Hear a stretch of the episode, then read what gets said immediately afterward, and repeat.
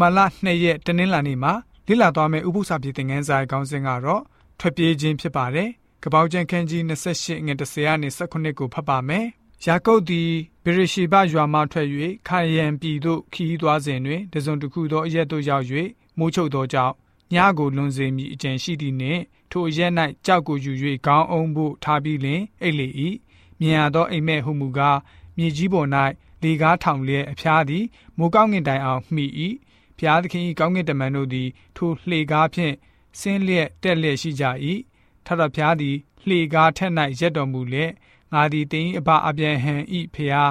ဣဇက်ဤဖျားဒီဟုသောထထဖျားဖြစ်၏တင်အိတ်သောမြေကိုတင်နှင့်တင်အမျိုးနွယ်အားငါပေးမည်တင်အမျိုးနွယ်သည်မြေမှုန့်ကဲ့သို့များပြားလိမ့်မည်အရှိအနောက်တောင်မြောက်လေးမျက်နှာအရက်တို့သို့ နှံ့ပြားကြလိမ့်မည်တင်နှင့်တင်အမျိုးနွယ်အားဖြင့်လူမျိုးအပေါင်းတို့သည်ကောင်းကြီးမင်္ဂလာကိုခံရကြလိမ့်မည်ငါသည်တင့်ဘက်မှရှိ၏တင်သွားလေရာရာ၌ငါဆောင်မမည်ဤပြည်သို့တဖန်ဆောင်ခဲ့အောင်မည်ဂတိထားသည့်အတိုင်းမပြည့်စုံမီတင့်ကိုငါမစွန်းဟုမိန့်တော်မူ၏ယာကုပ်သည်အိပ်ပျော်ရာမှနိုးလင်အကယ်စင်စစ်ထာဝရဘုရားသည်ဤအရက်၌ရှိတော်မူ၏ရှိတော်မူကြောင်းကိုငါမသိဤအရက်ကားအပင်များလောက်ကြောက်မက်ဖွယ်ဖြစ်သည်တကားဤအရက်ကားအခြားမဟုတ် ဘုရားသခင်ဤဘုံဗိမှန်ကောင်းငင်တကားဝဖြစ်သည်တကားဟုကြောက်ရွံ့ခြင်းသို့ရောက်၍ဆိုဤဆိုပြီးတော့ဖော်ပြထားပါတယ်ယာကုပ်ဟာမိခင်ကြီးနဲ့ပေါင်းပြီးတော့မိသားစုအပေါ်လှုပ်ကြံမှုမှာရက်ဆက်တဲ့လင်းလယ်မှုကြီးဖြစ်သွားပြီးတော့သူကိုယ်တိုင်အကျိုးအပြစ်ကိုဘယ်လိုမျိုးပေးဆက်ခဲ့ရသလဲကြည့်လိုက်တဲ့အခါမှာသူ့အကိုရဲ့ဒေါသပြင်းစွာထွက်တာကိုခံခဲ့ရပါတယ်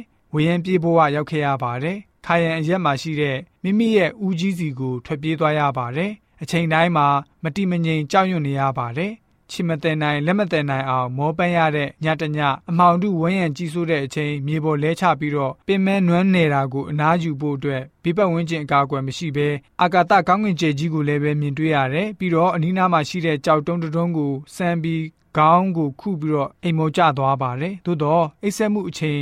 မကြာမီမှာပဲအနောက်ရှက်ရောက်လာပါတယ်ထူးဆန်းတဲ့အိမ်မက်ပဲဖြစ်ပါတယ်လှေကား တစင်းဟာမြေကြီးကနေကောင်းကင်အထိထောင်ထားပါတယ်။ကောင်းကင်တမန်တွေဟာတက်လိုက်ဆင်းလိုက်ပြုနေကြပါတယ်။နားမှာလည်းပဲအတန်တန်ကိုကြားရပါတယ်။ငါဟာအာဗြဟံကူးကွယ်တဲ့ထာဝရဘုရားဖြစ်တယ်ဆိုတဲ့အတန်ဖြစ်ပါတယ်။အတန်တော်ဟာယာကုပ်ရဲ့နားမှာဆက်ခါဆက်ခါကြားနေရပါတယ်။ဝိညာဉ်တော်စာပေဖြစ်တဲ့ E.G. White The Acts of the Apostles စာမျက်နှာ912မှာဆိုလို့ရှိရင်ဘယ်လိုမျိုးဖော်ပြထားလဲဆိုတော့ယာကုပ်မြင်မဲ့ခဲ့တဲ့လှေကားကိုလှမ်းမြော်ကြည့်ပါ။သခင်ခရစ်တော်ကိုစားပြုထားပါတယ် ခရစ်တော်ဟာကောင်းကင်ရဲ့မြေကြီးကိုဆက်သွယ်ပေးတဲ့သူဖြစ်ပါတယ်။လူသားရဲ့အကန့်အသတ်နဲ့နှိုင်းစာလို့မရတဲ့ဖခင်ရဲ့ဇာတိကိုပေါင်းဆက်ခံယူပါတယ်။ယာကုပ်ရဲ့စိတ်အတွင်းထဲမှာအခိုင်အမာယုံကြည်ခြင်းကတော့ရှေးဘိုးဘေးတွေနဲ့ပြောဖက်တွေမိခိုအားကိုးတဲ့ဖခင်ဟာ